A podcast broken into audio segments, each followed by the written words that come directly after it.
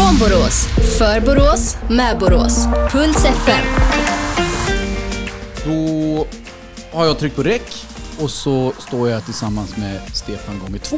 Och du får nästan presentera. Jag kan göra det. Ja. Idag har vi en väldigt eminent gäst. Mr Elfsborg, Stefan Andreasson! Varmt välkommen till Puls FM-podden. ja, precis så. Kul att ha dig här. Du blev- Du blev i chock nu. Det är väl så löjligt, men jag. Men jag har Nej, förstått men- att ni gör det inf- när varje gäst kommer. Nej, det var ju- Lite, när, Vi lite närmare micken igen. Alltså, de här det, det är tråkigt att vi Nu. ska starta varje avsnitt med det här. Varenda avsnitt med jättenära och att. Ishi ska lära en mikrofonteknik också. Det trodde man inte skulle hända. Men det är imponerande. Nu då? Ni känner ju varandra sedan några år tillbaks. Väldigt många år tillbaks. Och det var väl eh, den Stefans fel, höll jag på att säga inom citationstecken, att du hamnade... Allt är Stefans fel. Allt, att, men att du hamnade i Borås, eller hur? Ja men så är det ju. Mm. Absolut. Berätta om er relation, hur den började. Vi började ömsint redan eh, 2003. Nej men vi har ju spelat mot varandra. Eh, Stefan avslutade, när avslutade din karriär? Var det 2002? 2001. Efter 2001? Ja, Cupfinalen har ju vi pratat om. ja jo, jo. Det, det är enda matchen Stefan har vunnit över mig kan vi också säga. Eh, men jag började ju spela i Allsvenskan 2000. Gjorde allsvensk debut mot Elfsborg på Ryavallen. Där AIK vann med 2-1. Jag passade fram till 2-1 målet. Jag var, jag var inte med i den matchen. Du var inte med den matchen. Varför inte då? Skadad. Ja, okej. Du, Men när vi ver- verkligen började lära känna varandra, var det, det var ju när jag eh, skulle skriva på för Genoa, eller jag hade skrivit på för Genoa. Och då hade min agent, Anders Wallsten, fixat så att det var en kille som skulle komma och hjälpa mig. Ja. Min första tid i Italien, som kände presidenten i den klubben jag spelade. För han hade nämligen haft samma president när han spelade i Italien, i Como. Det var Mr. Stefan Andreasson, så då träffades vi, var det Kastrup eller? Kastrup, annandag jul 2003. Tror jag. 2003, exakt. Och så flög vi ner och Stefan hjälpte mig att hitta bostad. Hjälpte mig fixa telefonabonnemang, han hjälpte mig fixa bil och nej, vi satt och filosoferade över en del middagar där och det var väl så vi knöt an. Genoas finaste lägenhet, också. I alla fall eh, altanen. Var det fint? Nej, men det, var, det var ju bara 50 kvadratmeter takterrass ut över Medelhavet. Och I maj där, då kunde jag, då var inte du nere och hälsade på, men då kunde jag sitta där på balkongen och titta när girot gick förbi. Oj. Giro d'Italia. Ja, du, vi kommer ju komma till det, för du har ju också varit i Italien. Då. Det har vi med på Ja, våran ja, ja. lilla... Ja, ja, ja. Och som du har Oj, varit oj, i oj. Italien. Men vi ska backa väldigt, väldigt långt bak eh, i tiden. Eller väldigt, väldigt långt bak. Men vi kan börja med att prata om eh, Stefan Andreasson, som kanske inte alla känner idag. Och då börjar vi med fotbollsspelaren Stefan Andreasson. För hur det än är så blir vi ju sakta men säkert äldre. Och det är inte alla som kommer ihåg din spelarkarriär. Och eh, jag kan börja med eget personligt minne ifrån den här tiden. Och det var när Elfsborg spelade fortfarande i division 1. Eh, och det här var bortamatch och det var mot något Göteborgslag. Det kan ha varit Gunnilse, jag kommer inte riktigt ihåg. Division 1 var väldigt bra på den tiden. Ja, förmodligen mycket bättre än idag, men hur som helst. Bortamatch var det i alla fall. Och eh, det blir frispark till Elfsborg. Stefan Andreasson kliver. Det var inget snack vem som skulle lägga frisparkarna. Det var bara en som skulle göra Ja, det. Johan Karlsson hade inte kommit till Elfsborg. Nej, men precis. Och Anders Svensson tror jag var nummer sju om du rankar våra frisparksläggare. Ja, men han var en bit Sen blev han frisparksspecialist. Ja, men Jättekonstigt. alltså- men det, hur, hur många frisparksmål har Anders gjort? Frisparksspecialisten. Eh, det, när han gjorde det mot Argentina så var det det första han har gjort på liggande boll. Faktiskt. Det är sjukt. Är det. Ja, det är sjukt. Men han gjorde några i Elfsborg sen. Han Det hade någon fin mot Tre- Malmö. Och, tre, fyra, fem. Ja. Hur som helst, när det begav sig här nu på 90-talet, då var det Stefan Andreasson som var den, eh, alltså han var frisparksskytten. Och han var, om Anders var nummer sju, då var Stefan 1, 2, 3, 4, 5, 6 i rangordning. Där ungefär var det. Han, det, är mur och grejer, han kliver fram, skjuter ett skott som, ja det är kanske bland de hårdaste skott jag faktiskt har sett eh, live på en fotbollsplan. Och du nickar och håller med. Du, ja, 142 km i timmen. Mätte du upp själv på egna? mätte eh, Men faktum är, faktum är att efter matchen sen så går vi ner eftersom han kände några spelare i laget. Och då visar det sig att han har skjutit sönder nätet i mål. Och det är på riktigt. Det var så jädra hårt. Och är det någonting man kommer ihåg dig som när det kommer till fotbollsspelare, åtminstone jag gör, då är det att du sköt så jädra hårt. Det, får du höra det fortfarande? Eller är det bara jag som kommer ihåg de här grejerna? Det glädjer mig att du kommer ihåg det, för ibland undrar jag om man, någon vet att man har spelat fotboll. Vi brukar skoja om det, jag och Sjöberg på kansliet. Va? Det är ingen som kommer ihåg oss, och framförallt inte mig givetvis. Men visst, eh, det stämmer säkert. Och det var ju någon ramsa där som Jon Jönsson har gjort om jätteroligt. Men det var ju, skjuter, för, eh, skjuter för att döda sjöng ju de då. Det var ju Och ganska, Jon Jönsson kör ju skjuter som en höna. Ja, tycker han är jätteroligt. Ja, Men visst, och det var faktiskt, de mätte upp eh, ett år alla tillslag i Sverige, landslag och allsvenska och så. Då var, det, då var jag och Kenneth Andersson sköt exakt lika hårt i Sverige, 136 kilometer i timmen. Och det lät ju, låter mycket, men vet du vilket eh, eh, hårdaste skottet i världen som är uppmätt?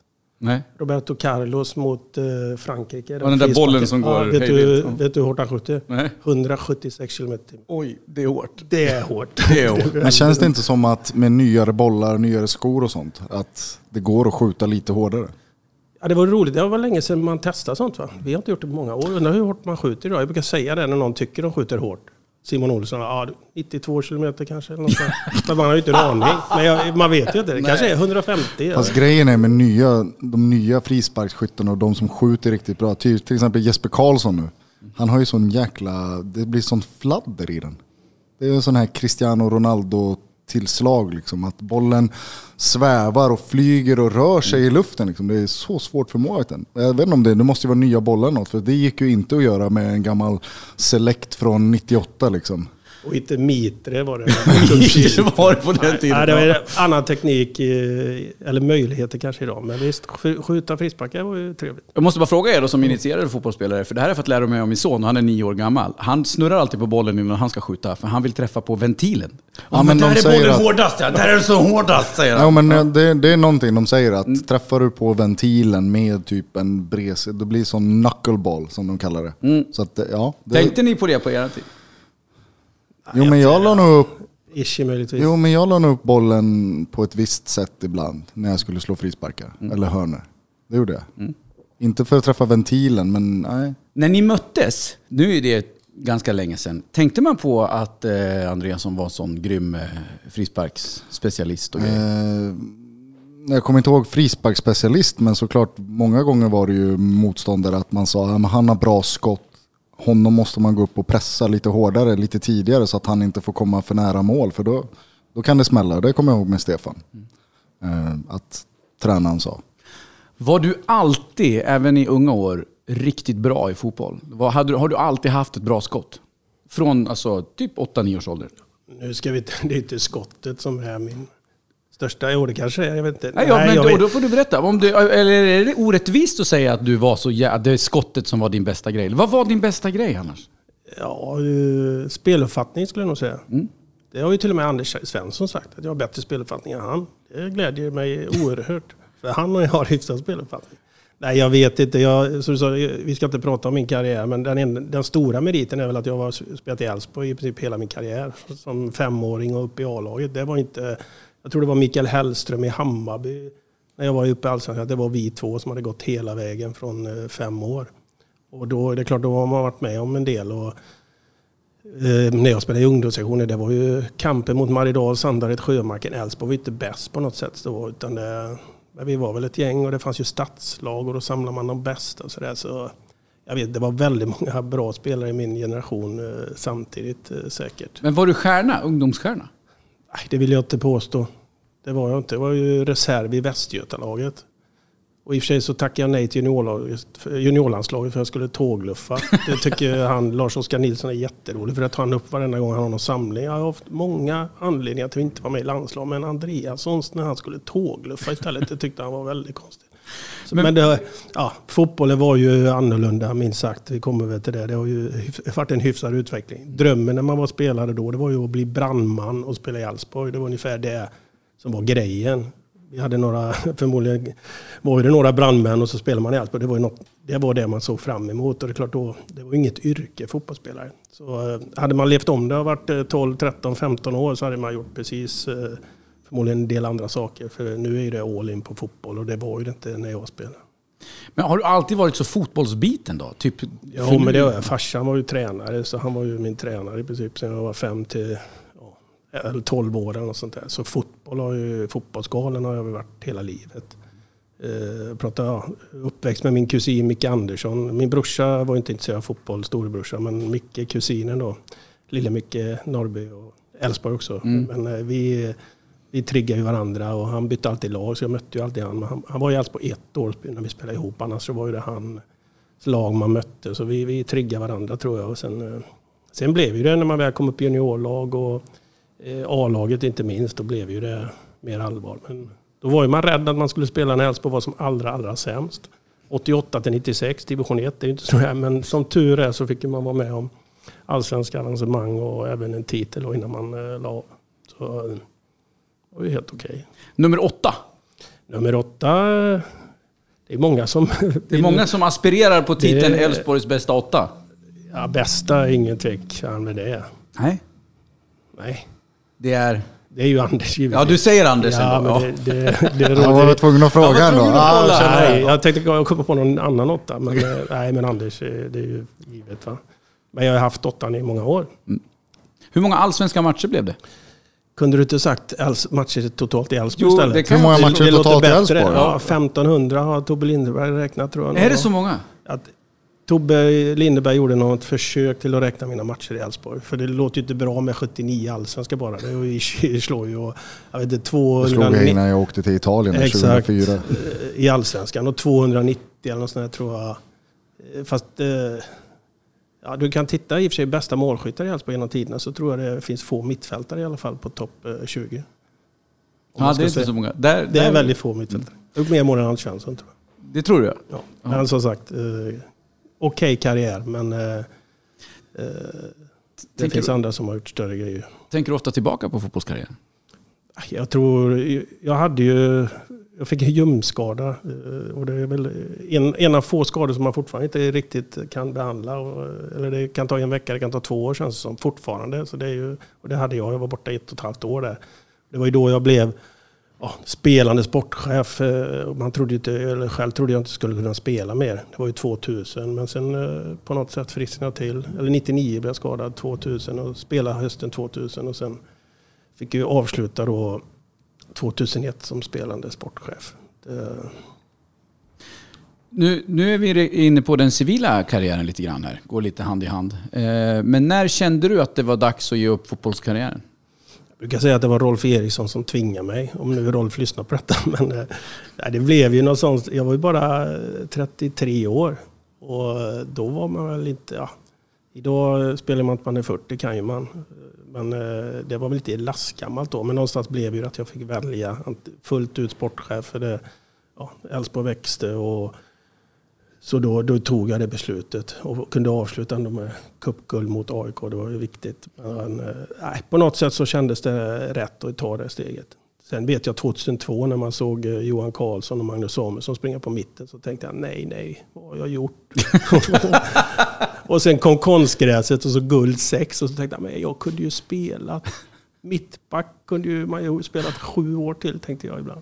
Har du, men har du tänkt så? Att du Jag är inte, jag är inte bitter. Nej, du är inte... Men, Det låter inte nej, så. inte alls så. Nej, verkligen inte. Nej, det var... Men kunde du koppla av den här tävlingsgrejen? För en, man, alltså jag, vi har ju pratat lite grann eh, om det, Ishe och jag. Det är just den här... man får ju en, en tydlig kick när man tävlar på den nivån som man kanske inte får i sitt vanliga liv. Har du kunnat liksom gå vidare med den eller har Ja, men jag den? tror jag hade ju förmånen då att få fortsätta jobba med fotboll. För det hade ju förmodligen varit mycket tuffare att, att lämna fotbollen. För då blir, ja, vad det kallar det, identitetskris eller vad ska man göra? Man funderar. Jag kunde ju både få pröva på och sen gå fortsätta i Elfsborg och fotbollen. Så det, blir, det är ju inte lika stort hopp. Och då, där har ju man sina kickar. Inte samma som att göra mål eller men la, när laget vinner eller när man värvar en spelare. Jag brukar jämföra det som att slå en frispark i krysset ungefär när man lyckas med värvning och sådär. Eller sponsorskap nu eller sådär. Det blir, du får kickar eh, ja, nästan lika mycket fast det blir i, an, an, i annan form. Vi ska prata om eh, jobbet som sportchef alldeles strax. Eh, du har ju ja, som sagt ansvar för flera som har blivit stora stjärnor och profiler som har vuxit fram här i Borås. Inte minst då Ishi. Eh, men du gjorde annat också än att bara spela fotboll.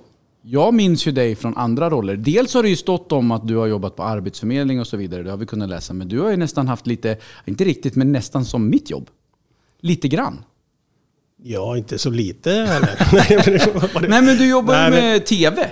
Ja, men vi sa ju det, fotbollen har utvecklats och jag tror eh, när vi spelade fotboll så var det heltidsarbete. Sen kom väl proffs, Malmö gjorde något försök i slutet av 90-talet eller började och Elfsborg kanske var på det början 2000-talet då. Innan det var ju det heltidsjobb och det är klart att jag har jobbat i, började i vården efter gymnasiet och sen blev det att vi startade lokal-tv 89 till 92 vilket var i efterhand så fattar man inte riktigt det. Vi tog ju över Gunnar Hedins eh, tv-hus som var kanske Skandinaviens eh, häftigaste bygge. Jag tror de sände USA Today eller något sånt där va.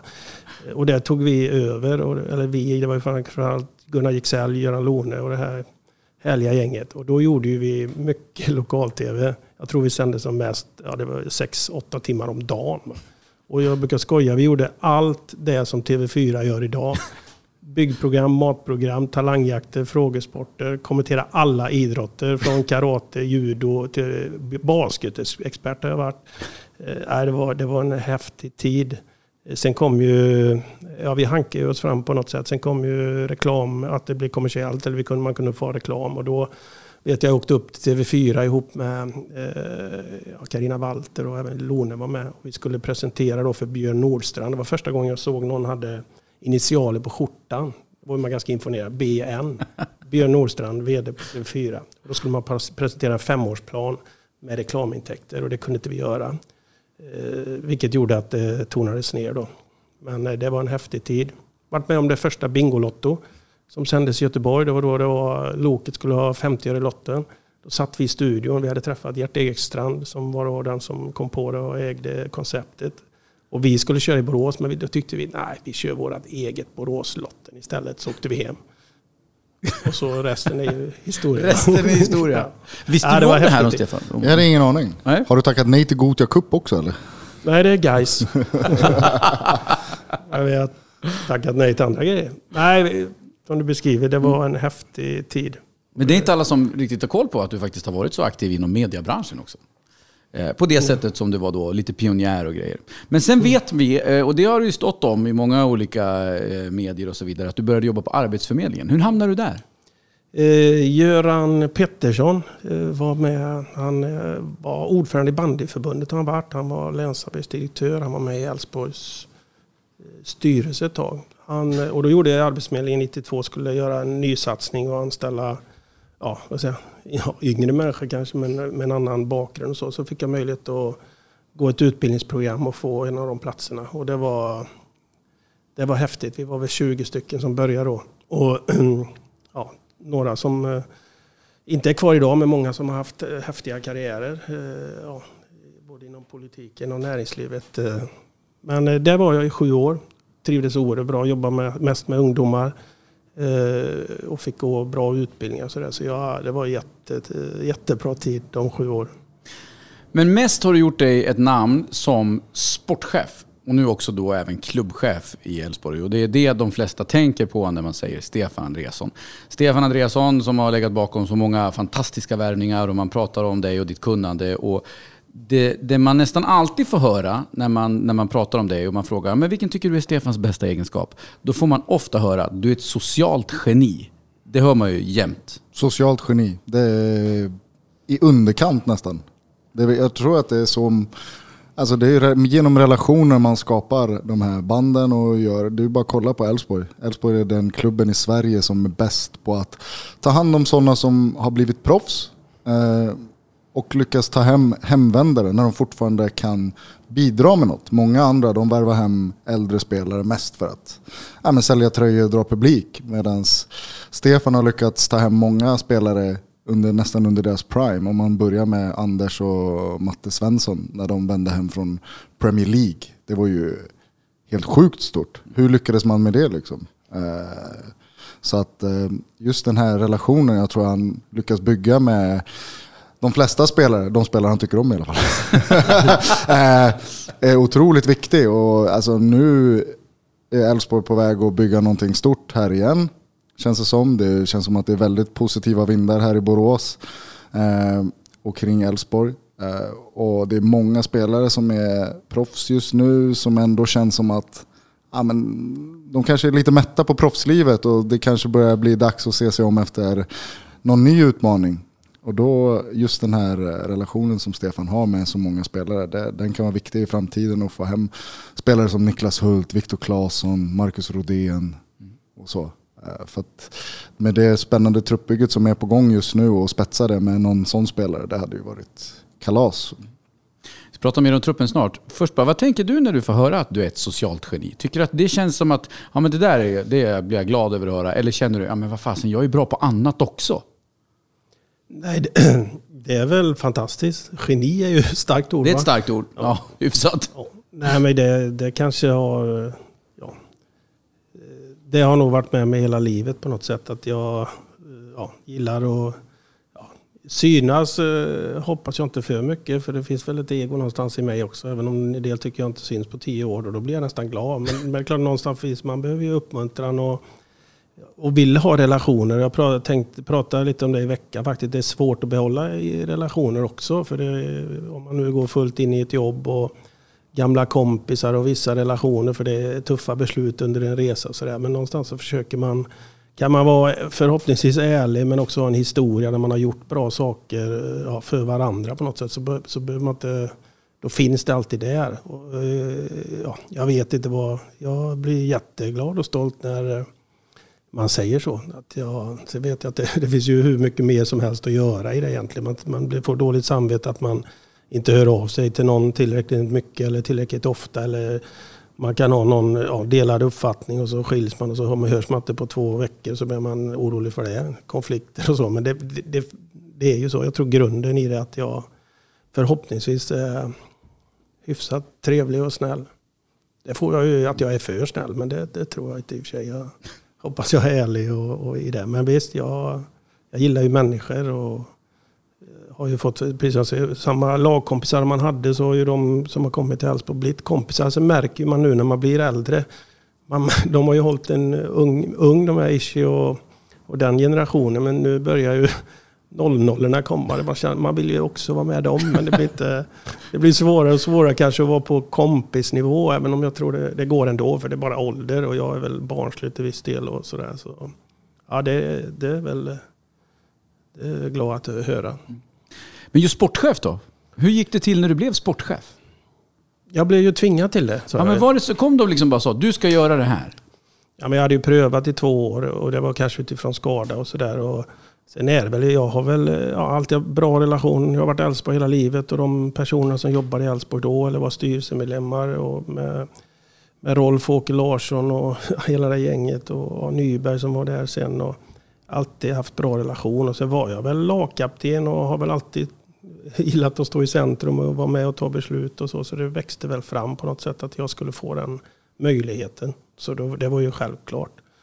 Och sen eh, sportchef då, det, eh, och det var ju under ja, vad blev det, 2002 till 2008. Då, eh, ja, fotbollen har ju utvecklats enormt, så det man gjorde då, då var ju det mer, vad jag säga, tränaren hade ju en annan roll då, så det, då bokade man bussar och mat och ja, värvningar givetvis har ju alltid varit det som jag har brunnit för och har kvar till viss del idag i den andra rollen.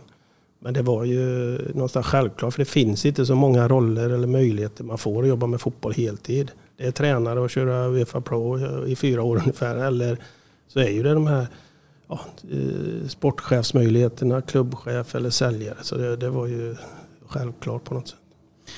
Du, om du nu ska prata lite grann, nu blir vi ju väldigt fokuserade på din karriär. Så har vi pratat om Ishi som en av de eh, stora värvningarna som, som du har gjort under de här åren. Men om du är tvungen att välja två eller tre värvningar. Och det behöver en inte topp tre. Ta Ja, en men ta en tre. topp tre. Och det behöver inte betyda att det har varit de bästa spelarna, men det kanske har betytt mest. Och det ska också varit så att folk har reagerat kanske som allra mest över det. Eh, och sen kanske också lite grann i skymundan att den här, den har man inte riktigt tänkt på, men den var jädrigt viktig, eh, den värvningen. Vilka skulle du säga då?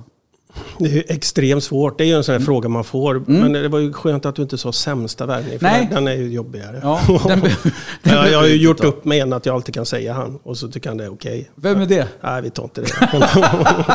fundera, fundera på vem. Ja, det stund. Nej, vi behöver inte säga det. Men vi tar dem där Nej, som jag sa.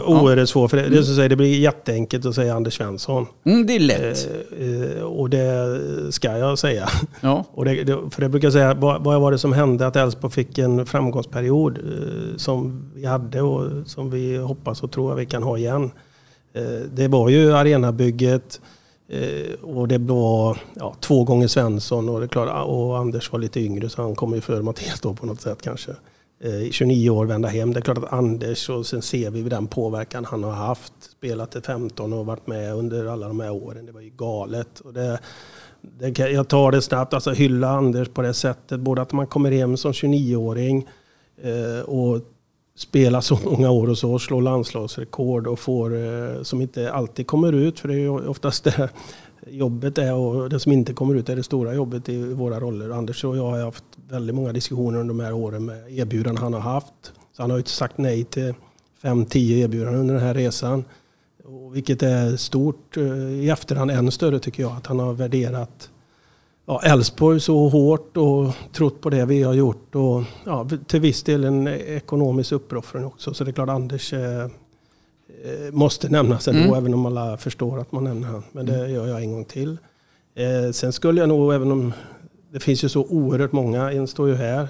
Det var ju, man kan packa ihop, jag tycker Lasse och Ishi, nu, nu är det bara för att de jobbar här, men jag tycker bägge två var någon sorts genombrott för oss som klubb. Att vi kunde nå spelare som hela Sverige jagar eller kom från storklubbar. Eh, det, det, det, tyck, det, är sånt som, när de, när de frågar mig det så svarar jag alltid det. Lasse var ett genombrott redan 02. Vilket var tidigare och Ishi inte minst då 06. Det, det, det, har jag alltid som svar. Sen finns det de här lite mer känslosamma. Eh, Ingesson, eh, att Ingesson blev Älvsborgare. Ja, hur gick det? För det, det var ju inte naturligt. Idag, ja, idag pratar man ju om Ingesson som Älvsborgare. Ja. Och han, han, han hade ju inte den spelaren, alltså egentligen inte den relationen alls. Nej, ja, vi, vi, hade, vi träffades en, en, gång i Italien men inte så att vi, och vi hade spelat någon gång mot varandra men vi kände ju inte varandra alls. Men sen när det blev snack om att han skulle flytta hem så fanns det, han var ju provträna med oss. Han hade ju relation med Grönhagen och inte minst Wettergren. Men på något, så, så han var ju, vi försökte få honom som, eh, som spelare. Eh, men, eh, och då skulle jag åka och övertala han eller träffa han i Ödeshög på Café Elsis tror jag det heter, något sånt klassiskt ställe. Och när jag kommer dit så står Blåvittbilen utanför med klistermärken och så kliver Roger Gustafsson ut därifrån. Och så bara, nej vad gör jag här? Va? Och så in och träffa Claes. Men vi, vi fann varandra direkt. Eh, och han kände väl, ja han kände att, jag tror han har sagt det många gånger, att det kändes rätt i hjärtat. Elfsborg var en klubb som han kunde identifiera sig med. Och sen blev jag en Elfsborgare först som spelare var ju också roligt. Han var ju, jag vet, vi, han var ju nere och tränade och han var ju, man fattar ju inte hur bra han är. Jag vet hur bra han var. När han beskrev sina bästa år i Bologna där, va? Då, då, eh, han hade alltså, han anbud från alla klubbar utom Real Madrid och Liverpool. Man förstod ju inte det. Va? Det var helt galet. Men han valde att stanna i Bologna och sen gick han till Marseille som då var kanske ett av de bästa lagen i Europa. Men flyttade hem därifrån. Och eh, då ville han spela. Så vi hade till och med på fredag var vi överens att han skulle köra. Vi hade, till och med, vi hade fixat sviten på Grand tre dagar i veckan. Vi hade helikoptertransport tre dagar i veckan som skulle hämta honom i Ödeshög och flyga. Han, vi löste allt. Jag ska bara förankra med Vicky, sa han. Så ringde han på söndag. Du, fan, det gick inte. och jag visste det var, det, var, det var rätt beslut för det var familjen som gällde. Då. Men sen ja, hela historien med Claes är eh, makalös. Den eh, finaste människa jag har träffat någonsin. Mm. Ja, det är en av värvningarna som, som du då också ligger bakom. Och nu nämner du faktiskt mm. andra än spelare. Nu, visserligen då så var det kanske initialt som spelare men blev någonting annat. Och du har inte bara värvat spelare. Du har ju en tränarduo som gjorde väldigt bra ifrån sig också inte minst. Ja, men det hade jag säkert också nämnt om jag hade fått uh, ja, jag störde. fortsätta. Nej, men det skulle vara tre stycken. Mm. Det blev mm. Eh, tre va? Ja. Anders Ishilas, uh, Ishi och Ingesson. Men det är klart, Magnus och Haglund Wettergren blev ju ett begrepp och att varit med och parat ihop dem, det tycker jag ligger väldigt högt. För det var också en lång historia med 14 tränarintervjuer. Eh, och, eh, Peter kom, var, ja, Magnus var etta, men vi tänkte att Peter som vi också träffade, de två ihop, de visste inte, kände inte varandra alls. Och så träffades de och så klickade och så blev de ett tränarpar som ja, är väl en av de mest eh, meriterade i Skandinavien och haft fina, fina karriärer och Elfsborg inte minst bägge två. Men hur, hur hittade man dem? Ja, det är, Haglund var ju tips från PG Skoglund, eh, Sven, Sven-Göran Erikssons kompis som någon eh, vet från Falkenberg. De, han var rektor och Haglund var lärare och då sa han alltid att Haglund borde ni titta på. Han var 29 år och tränade Laholm. Och när man träffade Magnus då så kände man att han hade någonting nytt eh, och väldigt bra. Så han var given etta på något sätt. Peter var ju via Ingesson och Peter var i Motala. Alltså, och Peter kändes direkt att han är också bra men han kommer nog passa bäst i rollen bakom. Hur säger man det till en person? Nej, men jag tror Peter eh, till och med landade i det ganska snabbt. Uh, nu har ju han gjort en fantastisk karriär just som den här ja, teamet man behöver. Det är någon ska stå där framme givetvis och det är en del som gillar det fullt ut. Men sen är ju man, och det blir mer och mer, man är team idag. Som, uh, som, som uh, ja, jobbar ihop och då har man olika roller. Och Peter är ju fantastisk i en sån roll. Har du aldrig haft egna funderingar på att bli tränare? Nej, aldrig. Aldrig någonsin? Nej. Varför? Ta hand om 25 egon hade jag klarat i fem minuter. Brutalt uttryckt. Nej, men jag, jag, jag kände... Uh, ja, men det jag sa det tidigare var tränare i, i elitfotboll. Alltså stå där. Det trycket de har på sig. Eh, både ja, publikt, medialt och fotbollstränare är det mest komplexa ledarskapsrollen du kan ha. Eftersom ska jämföra med andra sporter, men där får alla vara med ungefär. Va? I, i, I fotbollen ska du sätta 50% får spela, 25% på bänken, 25% på läktaren. Det, det, det, är en annan roll och det, det tror jag krävs viss tålamod, eh, egenskaper för. Och det kände jag, det, det, är inte jag. Men chef har du ingenting emot att vara? Det funkar? För nu är du inte bara, du är inte bara sportchef längre eller? Du är ju även klubbchef i Elfsborg. Och hur länge har du varit det? 2009. Så det är längre än eh, det är de här olika titlarna, men så är det. Fotbollen utvecklas och det kommer titlar och sportchef var rätt då. Nu är den titeln eh, inte ja, sportsligt ansvarig A-lag är väl som gäller i Sverige nu. För det är inte givet att alla... Man organiserar sig på de sätt, det sättet man vill som klubb och man, hittar, man har de titlarna som eh, man är bekväm med. Och, vi, och klubbchef, skillnaden är ju att man, som säger, man är ju eh, ansvar för hela verksamheten på ett helt annat sätt. Innan var det bara fotbollen. Och det känns bra för eh, man har ju varit i många, många år. Väldigt många år och det är en del som undrar hur orkar man eller varför är du kvar? Och eh, det kan man säkert fundera på. Men det blir ju att var, fotbollen har utvecklats och så jag brukar säga varje dag känns som ett nytt jobb. För det har hänt så oerhört mycket i fotbollen. Och det händer saker hela tiden och eh, det gör det även i näringslivet. Men varje dag på något sätt så man vill jobba med strategier och så, men det händer fem, sex, sju grejer på dagen som du inte har en aning om när du vaknar ungefär. Så det är, man blir aldrig, det blir aldrig slentrian i, i ett sånt jobb. Utan det, och sen drivs jag av att eh, Elfsborg eh, ska vinna hela tiden. Jag tror vi vinner i år. Stenhårt. Ja, men det, det är ju någonstans driv man har för, som finns kvar som spelare. Att man vill, eh, man vill slå eh, alla lag och framförallt storstadslagen och framförallt en hamnklubb. Från Borås, för Borås, med Borås. Puls FM. Jag pratar både om din vinnarskalle och om eh, vad man tror om Elfsborg och så vidare i år. Du tror ju sig väldigt, väldigt ofta att Elfsborg ska vinna. Vi har ju haft de här diskussionerna förr. Men om vi börjar med som chef då, Ishi. Hur, hur är Stefan som chef? Bra. Ja, nej, men liksom Nej, har man typ en sån här alltså, chefrespekt, förstår du? Eller fattar du hur jag tänker? Ja, Alltså, men, shit, jag tycker. Stef, Stefan har varit väldigt bra på det. Att, alltså, samtidigt som det känns som att vi är väldigt goda vänner. När det, när det är jobb, då är det jobb. Att vi har hela tiden, det har varit väldigt tydligt när det är jobb och när det är kompisar. Det tycker jag han har varit väldigt bra på. Eh, sen så är det ju att en klubbchef jobbar ju mycket i det tysta från oss i spelargruppen. Vi, vi är ju inte med i det dagliga uppe på kontoret. Liksom, så att man har liksom inte riktigt full koll, även om jag kanske är en sån spelare som har haft god insyn i det. Och ja, men försökt hjälpa till så gott jag kan eh, med ja, men sponsringsevenemang och liksom sådana saker för att promota klubben så mycket som möjligt. Och då har man väl fått en mer inblick av vad Stefan gör. Och jag har inte jobbat på kontor själv så jag kan inte säga om han är en bra chef så, men jag tycker att man har ju fått frågan många gånger, är det inte dags att Stefan kliver ner som klubbchef nu? Och då säger jag, va? Hur tänker du där? Det finns ju ingen människa i Borås som brinner mer för Elfsborg och vill Elfsborg väl än Stefan Andreasson. Så vem, vem ska ta hans roll hade du tänkt? Ska du ta in en businessman som bara gör Elfsborg business, då, då tappar föreningen sitt hjärta. Eh, så att, eh, och det är det jag tycker är Stefans största eh, ja, men största fördel som eh, tränare och hans största styrka. Liksom, att, att han Du brin, blev brinner så mycket. Ja, nej men jag, jag kan, ja, och nu ska vi inte sitta här och bara håsa och hylla dig, men jag, jag, jag träffar ju också eh, Stefan i olika sammanhang.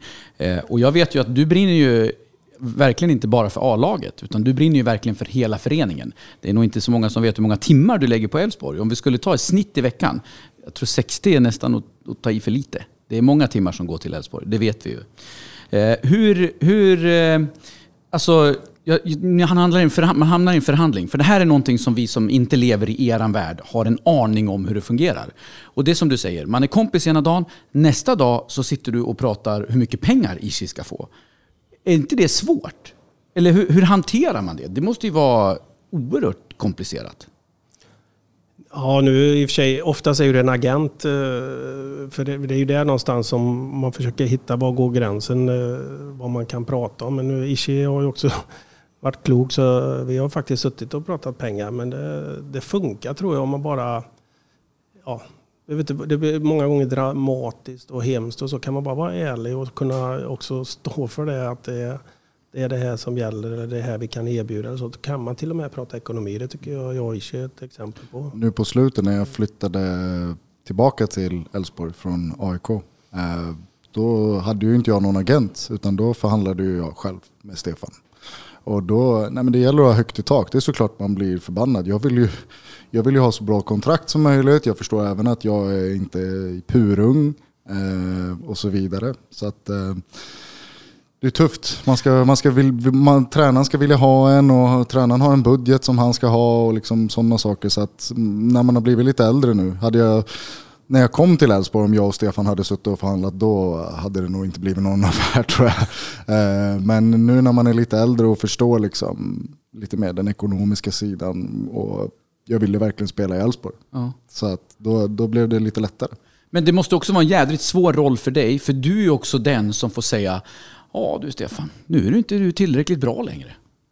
Nej, det säger inte jag. Det hoppas Nej. jag vår manager säger. Det, säger, det är inte ditt jobb att göra nej, det. Men jag Nej. tror, även om de säger organisation och det har förändrats, men det gäller ändå för någonstans att ha tydliga roller och Mm. tydligt ansvar. Och i vårt fall så har vi valt, och det är egentligen under Magnus Haglunds tid när han ja, växte fram som vill vara chef, vill ta ansvar. För det är inte givet. Jag tror när vi, sö, vi, vi sökte den typen av personer, och det har vi gjort efter också, att vi vill ha en tränare som tar ett stort ansvar. Eh, det är inte givet för det är rätt skönt att kunna gömma sig bakom, ja men jag ville ha den men jag fick den. Alltså det, jag brukar, när det går dåligt så brukar man se, vem är det som får skulden? Är det tränaren och oftast då sportchef eller det kan vara klubbchef och ordförande också. Man skyller på varandra utan här gäller det att vara tydlig. Och i vårt fall är det Jimmy Tillin som är manager som bestämmer vilka spelare ska in, vilka spelare ska ut. Jättetydligt. Sen min roll, eftersom jag har, det jag har kvar med fotbollen, det är ju förhandlingar ekonomiskt. För det tycker vi framförallt att Jimmy inte ska sitta och prata pengar med spelare. Eh, utan det är jag, jag har förhandlingarna med A-lagsspelares kontrakt och köp och sälj av spelare. Det har jag kvar. Och då är ju det oftast kontakter med, med agenter. Men eh, det är viktigt. Och sen är jag ett bollplank till Jimmy och då handlar det om att bevaka våra värderingar, identitet, egna spelare 50%, gärna mer. Hemvändare är viktigt för vi tror på mixen och vi tror för att ja, vara regionens lag, bygdens lag. Och så de här spets, eh, spetsspelarna som kanske behövs just på den positionen. Där kanske det läggs mer då scouting eller tränarens eh, ja, team som jobbar med det. Och så försöker jag uppfylla deras önskemål. Uppfylla tränarens önskemål utifrån styrelsens ekonomiska ramar. Där någonstans jobbar jag. Det låter grymt avancerat när du pratar om det. Alltså, jo men lite grann och det blir, och du går direkt in lite grann så här i din business roll. Det hör man när du pratar om det här. Och det är inte första gången du står och berättar lite grann om vad du gör och hur det ser ut på affärssidan och det ena med det andra. När kände du att du gick ifrån eh, ja, men, eh, sport-Stefan till business-Stefan? Eller tycker du fortfarande att du är sport-Stefan? Förstår du hur jag tänker? Ja, jag kommer väl alltid vara sport sport-Stefan om jag ska sätta det. För det är ju där jag är uppväxt. Och sen har jag väl varit alltid intresserad av ledarskap så. Men sen tror jag, det var inte att jag skulle bli klubbchef. Det var absolut ingen eget önskemål egentligen. Utan vi, eh, det är alltid att hitta rätt människor som vill jobba stenhårt för Elfsborg. Och så har alla olika kompetenser. Och eh, vi hade ju, jag jobbade ju jättebra ihop med ett antal klubbchefer och, och funkade jättebra där. Men sen någonstans där så blev det att ja, det är kanske är lika bra Stefan tar det ungefär. Eller något sånt där, och, och, och, så, då kände så väl också... Både med sportchefsrollen, nej du får ta det. Klubbchefsrollen, nej du, du, får, du får ta det. Ja, men jag tror det låg rätt i tid också. Både få, få, få egen stimulans kanske och kunna släppa fotbollen lite. För det var det jag kände, att ska man vara med i fotbollen fullt ut mm då får man nog, ja, man behöver kanske inte läsa Uefa Pro, men du får nog ja, sätta dig in ganska ordentligt vad utvecklingen är på väg. Och det, alltså jag, jag är inte det var, det var, då tyckte jag det var bättre att gå mot näringsliv, eller ja, ledarskap, näringsliv, göra sponsorer och jobba med det. För ska du hänga med i fotbollen då, då krävs det ganska mycket nu för tiden. Och det, det, så jag kände att det blev ganska naturligt och bra och väldigt roligt för det var nya utmaningar på något sätt. Jag, som jag beskrev innan nu, även om jag alltid har jobbat mot sponsorer, även som sportchef så hade jag alltid kunder för jag gillade det. Och jag, som säger, jag gillar ju att vara ute och prata om Elfsborg och vara ambassadör och lyckas med ett sponsorskap idag är ju som att skjuta i krysset. Så jag, jag gillar ju att prata Elfsborg och det får jag göra i den rollen jag är idag också. Vi pratar om att eh, han får ta det. Eh, nej, han får ta det här jobbet. Han får ta det här jobbet. Det är ju faktiskt så. Nu har jag forskat lite grann i det här för att kolla lite grann runt omkring. Och nu ska jag inte outa några, det har jag lovat att inte göra. Men jag vet att du har ju fått en hel del andra jobberbjudanden under resans gång. Och det är ganska tunga namn som ligger bakom det här. Det är jobb på Uefa, det är på Fifa, det är SEF och så vidare. och så vidare. Jag undrar bara, vad är det som gör att du väljer att stanna kvar? Vi behöver inte gå in i detaljerna på de olika erbjudanden som du har fått. Men vad är det som gör att du vill stanna kvar? Och sen också, vad krävs det, eller skulle det krävas, för att du skulle nappa på ett annat erbjudande? Det blir ju konstigt. Eh, Eh, Ja, men det är väl, eh, ja, jag kan väl säga, det är klart att man har fått, det blir man glad att man får eh, något erbjudande under de här åren. Ja, fast det är ganska det, många och det är inte mm. bara från de här fotbollsinstanserna som jag mm. nämner utan det är även från näringsliv. I ganska stora alltså, jobb inom näringslivet. Ja. Det blir det väldigt Ja men fast det är ju så. Det är, det är, det är ju sant att det är så. Jag har inte fått det. Jag, har ju fått, jag vet ju det. Ja. Är man klubbchef och driver en, en förening som är förmodligen det största varumärket i Västra Götaland och driver det eh, så bra. Ja, så bra. Framgångsrikt. Successful tänkte jag säga. Det var, mm. Men framgångsrikt, då är det såklart att då måste man väl dra ögonen till sig från näringslivet. Mm. Ja, det är logiskt. Men vad är det som ja, gör men det, det du beskriver nu, det, var, det är ju i och för sig i, i den rollen man är så det är lätt att glömma. Jag blir glad när du sa socialt geni. Det kommer mm. jag leva på en vecka eh, när det blir tuffa andra grejer. Men man, man behöver ju beröm Även om man själv kanske inte vill säga det, men så är ju det. Man blir ju glad när folk säger bra saker om en och, och, man vet kanske precis som du beskriver att jag vet ju själv att det har varit, om det är några erbjudanden som man har sagt nej till och så, där, så och kanske, jag tycker det är ECA, vi har ju varit med i ja, den resan vi har gjort. Det är därför vi, eh, ja, om vi kommer till kaféprogrammen så blir det för mycket historia kan en del tycka. Men det blir någonstans så, ja, alltså, jag vet inte om ni har sett dem, men ni har ju varit med och vi då har vi haft fyr, vi har upp allsvenskan 96 och upp och så första cupguld, första SM-guld och nu ska vi ha nio raka år i Europa. Det är någonstans, det är inte att säga att det var bättre förr, men det är också någonstans att visa upp en stolthet och att det går. Lilla Elfsborg och de nio åren, åren i rad är ju galet och även att vinna guld och så. Det ska ju inte gå. Så det, vi, har ju gjort, vi har haft en resa Eh, vilket har också uppmärksammats i ECA, där jag tycker Europa Club Association, där vi blev medlemmar 2008. Och när man är på möten idag, för där blir man ordinarie medlem om man rankar högst i Europa eller topp två i Sverige. Och det har vi varit i många år. Nu åkte vi tyvärr bort, men då är man alltid medlem ändå och kan vara med på möten. Och där har vi fått också en, en, eh, ja, en status. Det är väl lite så ibland, även om åker man utanför Borås så, så kanske man hör mer uppskattning från mm. andra svenska klubbar eh, som tycker och det, det behöver man ibland. Och, och, sen någonstans så landar man alltid att det finns så mycket mer att göra i Älvsborg. Det finns, precis som beskrivna, det händer så mycket. Det finns nya utmaningar och jag drivs, jag har aldrig egentligen varit nära att titta på något annat. Eh, utan det är Älvsborg som har, har gällt. Eh, även om det är trevligt eh, ibland att få något förslag. Ja, men det krävs mycket för att du ska lämna Ja, vi ska, vi ska ju vinna fler titlar till att börja med. Då kommer vi in på framtiden. Precis. Vad tycker du om... Jag säger ju att Elfsborg är väldigt spännande. Däremot så tycker jag allsvenskan är så jämn i år så att jag jag har svårt att se att Elfsborg ska hamna jättemycket högre i tabellen i år jämfört med i fjol. Men däremot så tycker jag att truppen är bättre. Jag tycker att spelet ser bättre ut. Många spelare har tagit många kliv, man har fått in bra nyförvärv. Eh, men vad, vad, vad, vad, tycker du är bättre i år, förutom att jag har slutat då, eh, än i fjol? Nej, men nu blir ju det... Jag, jag tror jag började alltid, eh, eller sa någon gång att eh, ja, Bella, ja, Bella sa någonting att Stefan tror vi kan vinna. Han är ju eh, inte frisk och så vann vi. Men, men i och för sig så har ju fotbollen blivit så. Från början spelade du där du var född. Och hade du tur så föddes alla i Borås och så kunde man vinna guld. Eller, och sen kom några klubbar som kunde värva Blåvitt. Malmö hade en period. Men, och någonstans, tyvärr kan ju man tycka ibland att ekonomin har ju så, blivit så brutal påverkan på sportsligt resultat. Och det tar bort en del, eh, det tycker jag också. Idag är det väl 96,4 i korrelationsprocent. Någon sån där, va? Så det egentligen, och då menar jag, det har hänt en del. Om, eh, förutsättningarna har förändrats.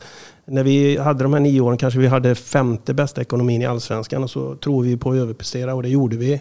Och nu är vi nere på nionde plats. Så förra året är en överprestation. Jag tror vi var en av tre klubbar som överpresterade. Jag blir vansinnig på tidningar som hyllar en tränare som underpresterar två platser och, och vi överpresterar en. Ja, men fattar du? Ja. Sånt kan jag bli helt galen på.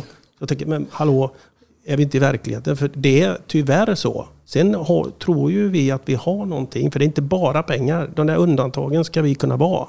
Och, och, hur ska vi kunna vara det? Och då är absolut det här med miljön. Och det kan vi bli mycket, mycket bättre. Kanske också prioritera det på ett annat sätt. Det går, även om vi säger att vi har haft det, men det är lätt att glömma, det är lätt att tappa det.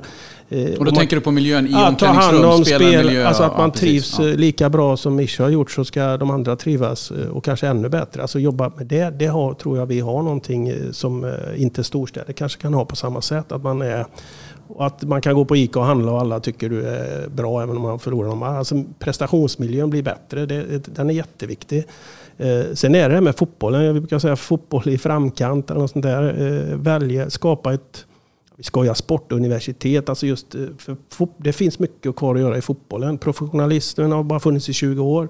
Eh, det finns mer att göra där. Jag tycker vi bygger ett, en stab nu under Jimmy Thulins ledning som är imponerande. Om du har Dan Fransson som är en, en av eh, doktorand inom fotbollsfys. Va? Och även teamet där. Och det finns mer att göra med individuell utveckling och även spel. Jag pratade med Jimmy då och han pratar om framtidens fotboll. Jag skojar lite, man, man hänger inte med. Man förstår. Jag förstår att det där är grejen. Men någon ska driva det och komma dit. Och det tycker jag känns jättespännande nu med att det, det är något nytt. Eller det är något, något uh, ja, något som kan vara Älvsborgs identitet på något sätt. Det, det, och sen givetvis skapa en ekonomi från nionde plats upp till sjätte och, sen är vi, och så överpresterar vi och så är vi med om titlar Europaplatser igen. Det är någonstans där också, för det får man inte glömma. Vi behöver mer pengar fast eh, på ett klokt sätt. Och jag hoppas och tror att arenan eh, eh, går inte att göra samma reptrick en gång till när vi byggde helt nytt. Men jag tror den gör någonstans. Jag tycker förut, förväntningarna har dämpats på rätt sätt. För det är lätt att det blir fördömande om vi kommer åtta. Jag tyckte förra året var ett jättesteg mot, vi kan komma åtta fast ändå uppskatta, ser man att ja, spelarna ger allt. Eh, vi är på gång och så hade någon sagt för det att vi är åttonde plats och, och Boråsan var nöjda. Det hade man inte trott på nästan. För tredje plats under den här resan var ju för dåligt ungefär. Mm. Så någonstans är det viktigt också med att förväntningarna ligger någonstans rätt. Men drivet internt är att vi ska med igen. Fotboll ska inte bli en storstadssport. Jag tycker det är bra.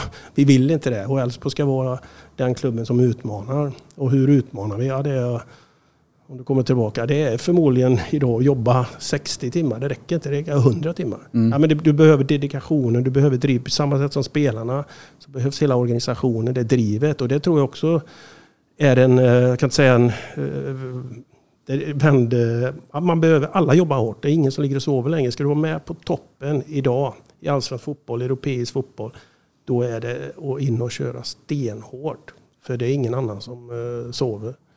Och det ska inte jag göra. Så jag, det, det, finns ju någonting, precis som vi, det känns som vi är på rätt väg. Eh, absolut.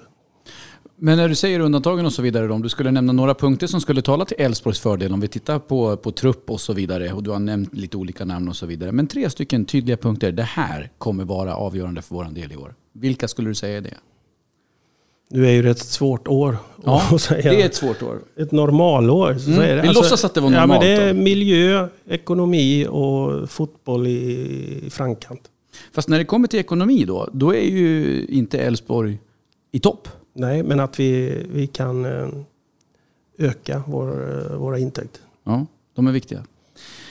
Tittar vi på trupp då och så vidare, för det tycker vi är jädrigt Oh, intressant. Vi pratar ju jädrigt mycket Ja, fotboll. jag var ju arg på Ishi häromdagen. Varför då? Ja, jag kommer ihåg det Ishi. Ja, Om jag kommer ihåg det.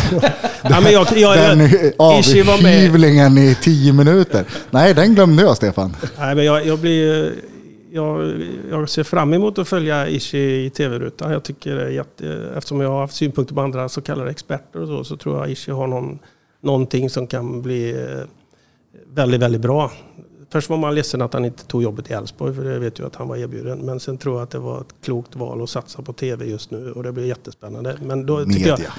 ja, media. Kör. Bra, viktigt. Ja, ni, Ja, förlåt. Fredrik. Nej, det gör ingenting. Nej, det, Eh, men då var ju det här med de- Dplay gör förhandsgranskningar. Och jag hade synpunkter på Eh, Axén och Arnäng när de satt och pratade Elfsborg. För jag, sånt kan jag bli irriterad på. Då sitter de och ska analysera Elfsborg. Så säger, ja, vi, då säger de att vi började katastrofalt men avslutade bra.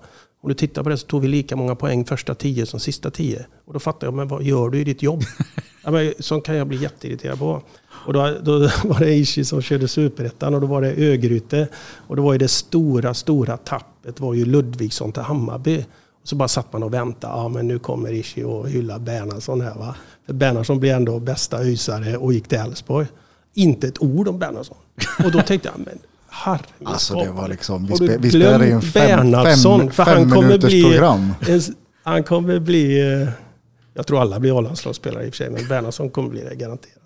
Och, då, och då fick Stefan höra det sen. Ja, och då vill ju man hålla sig, för så skulle vi göra program och jag hade sett det på kvällen. Så, vi, så tänkte jag, nej, men jag håller mig så det blir en bra stämning i programmet. Och sådär. Men så, när vi väl träffas så kan jag inte hålla mig. Det tog tio sekunder. Men jag Jag, såg, jag såg det att det var något. Han såg sur ut. Jag tänkte Ja. han har sovit dåligt i natt. Aha. Och sen så bara ser jag att han står så här. Mm, mm. Ah. Och så bara, hur kunde du inte säga Bernhardsson? Va? Vad pratar du om?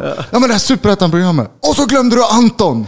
Ah! Det var i och för sig att ni hade, alla de klubbarna var...